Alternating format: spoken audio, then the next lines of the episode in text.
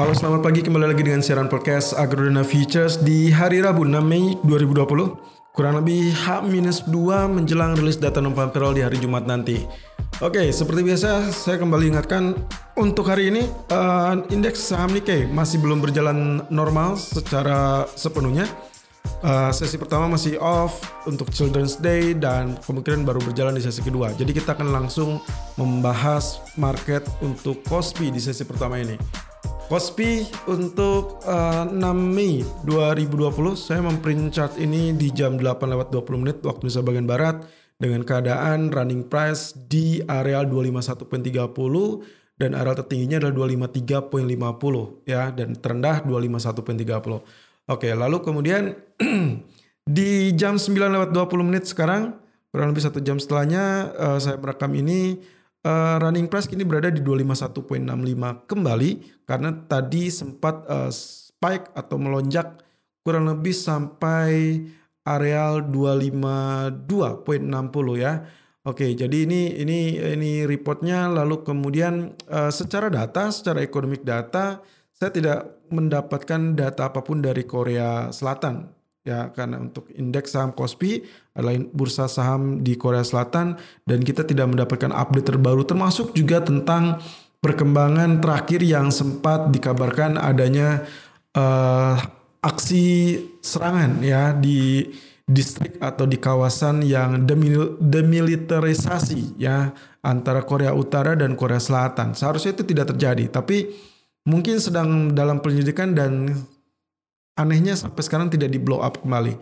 Oke, mudah-mudahan itu tidak terjadi apa-apa dan juga uh, Kim Jong Un nampaknya sehat-sehat saja.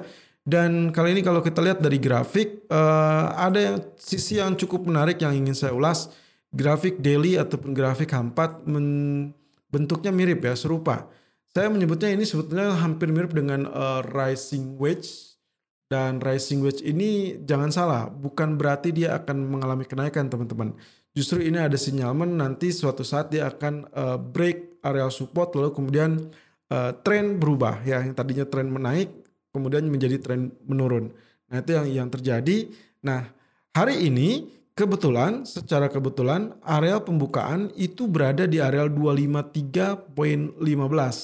Sementara area tertinggi baru saja break high di 253.50 tadi itu ya dan kali ini kalau misalkan kita lihat dari panduannya karena bentuknya mirip dengan uh, rising wedge yang artinya sam sampai ujungnya semakin menyempit tapi area bawahnya uh, dia kecenderungannya lebih curam daripada bagian atas atau resistennya yang lebih landai. Dan terbantu juga di awal pekan lalu dengan area gap down ya. Tapi pagi ini sebetulnya dengan area gap up ataupun uh, kenaikan itu sebetulnya sudah sangat membantu dengan menutupi area gap yang terjadi di awal pekan. Jadi sebetulnya 50% area gapnya di awal pekan ini sudah tertutupi, tercover. Ya, which is good. Ya, artinya sudah sangat bagus. Berarti sesuai karena area-area supportnya sendiri dia bikin membal, bikin rebound. Lalu kemudian nantinya tinggal tunggu uh, another candle atau mungkin satu candle terakhir. Mungkin bisa terjadi esok hari mungkin ya tapi untuk hari ini bisa saja area supportnya hanya untuk diuji.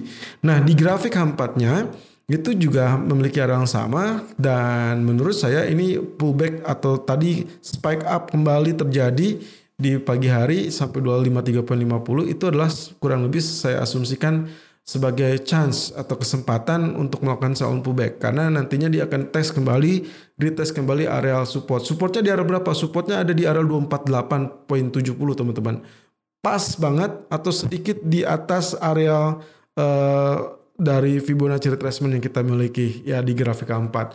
Detailnya Anda bisa lihat dalam channel YouTube kami Agrona Futures Official. So untuk Kospi hari ini saya cenderung melakukan sell on pullback di area 252.80 ataupun 252.95 which is sudah mulai terjadi dan terbentuk tadi karena dia sempat spike dulu sampai 253 kurang lebih dan sekarang sudah turun lagi 251.80.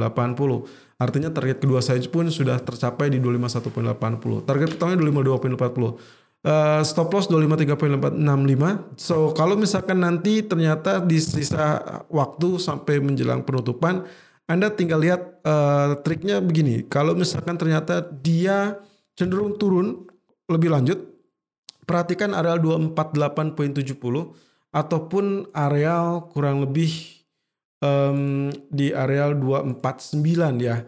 Itu triggernya. Ya, kalau dia muncul 249 kembali atau dia meluncur sampai 249, let's say 249.30 itu triggernya anda silakan prepare untuk melakukan sell, tapi yang harus dihati-hatikan adalah 248.70-nya karena kemungkinan dia agak relatif kuat di situ. Jadi untuk triggernya di 249, eh, tapi untuk area support yang kuatnya di 248.70. Kalau itu terjadi, Anda boleh follow sell kalau ditembus area 248.70. Tapi kalau tidak ditembus, maka harap berhati-hati kemungkinan dia akan rebound dan at least dalam areal penutupan pun mungkin kita akan melihat areal resistennya 252 sampai 253 masih tetap akan di areal tersebut atau maksimum di areal 254. So mana yang lebih dulu tercapai itu yang harus Anda lihat. Kalau lebih seperti demikian, outlooknya secara global masih dalam harapan untuk reopening activity ekonomi. Tapi secara data global juga masih cukup mengkhawatirkan. Selalu gunakan stop loss dan risk management sesuai dengan equity dan strategi trading Anda.